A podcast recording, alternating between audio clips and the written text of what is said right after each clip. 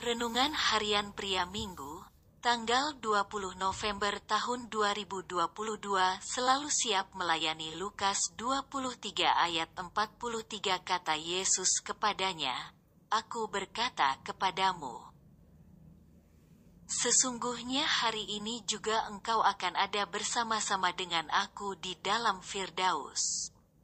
Tujuan dan fokus kehidupan Yesus datang ke dalam dunia adalah bukan untuk dilayani tetapi untuk melayani. Kita dapat membacanya dari kehidupannya yang tertulis di kitab Injil. Walaupun dalam keadaan letih, Yesus tetap melayani orang-orang yang datang kepadanya.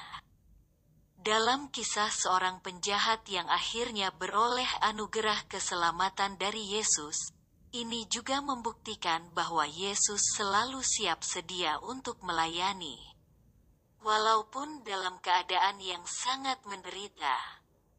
Ketika tergantung di kayu salib, Yesus tetap menjawab seruan doa dari satu orang penjahat itu yang meminta anugerah keselamatan darinya. Yesus tidak pernah tertidur dan tidak pernah terlalu sibuk untuk mendengar seruan doa-doa setiap anak-anaknya. Telinganya selalu terbuka untuk seruan doa kita. Ia selalu siap sedia untuk melayani anak-anaknya.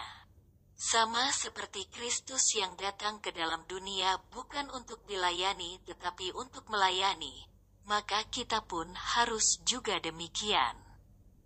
Apakah kita terlalu sibuk sehingga kita tidak mempunyai waktu untuk melayani orang-orang lain? Atau juga mungkin kita berfokus pada diri sendiri saja, sehingga kita tidak bisa melihat kesempatan yang Tuhan berikan kepada kita untuk melayani orang-orang lain? Marilah kita ikuti teladan Yesus yang selalu siap sedia untuk melayani orang-orang lain. Refleksi diri, apa yang firman Tuhan katakan kepada Anda? Bagaimana kehidupan Anda dengan firman Tuhan itu? Catat komitmen Anda terhadap firman Tuhan itu. Doakan komitmen Anda itu. Pengakuan iman. Roh Kudus menolong saya untuk ikuti teladan Yesus yang selalu siap sedia melayani orang-orang lain.